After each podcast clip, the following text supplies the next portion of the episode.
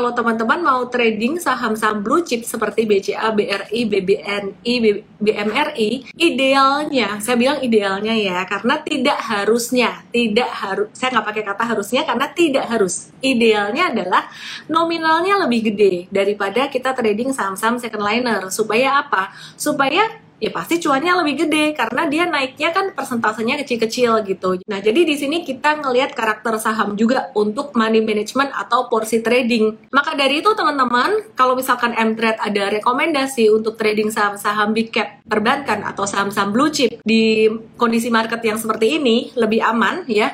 Jadi second liner kita mungkin agak-agak kita batasin gitu. Kita lebih banyak di blue chip. Caranya gimana? Kalau memang marketnya lagi cenderung sideways, kita cari saham yang lebih aman, resikonya lebih kecil.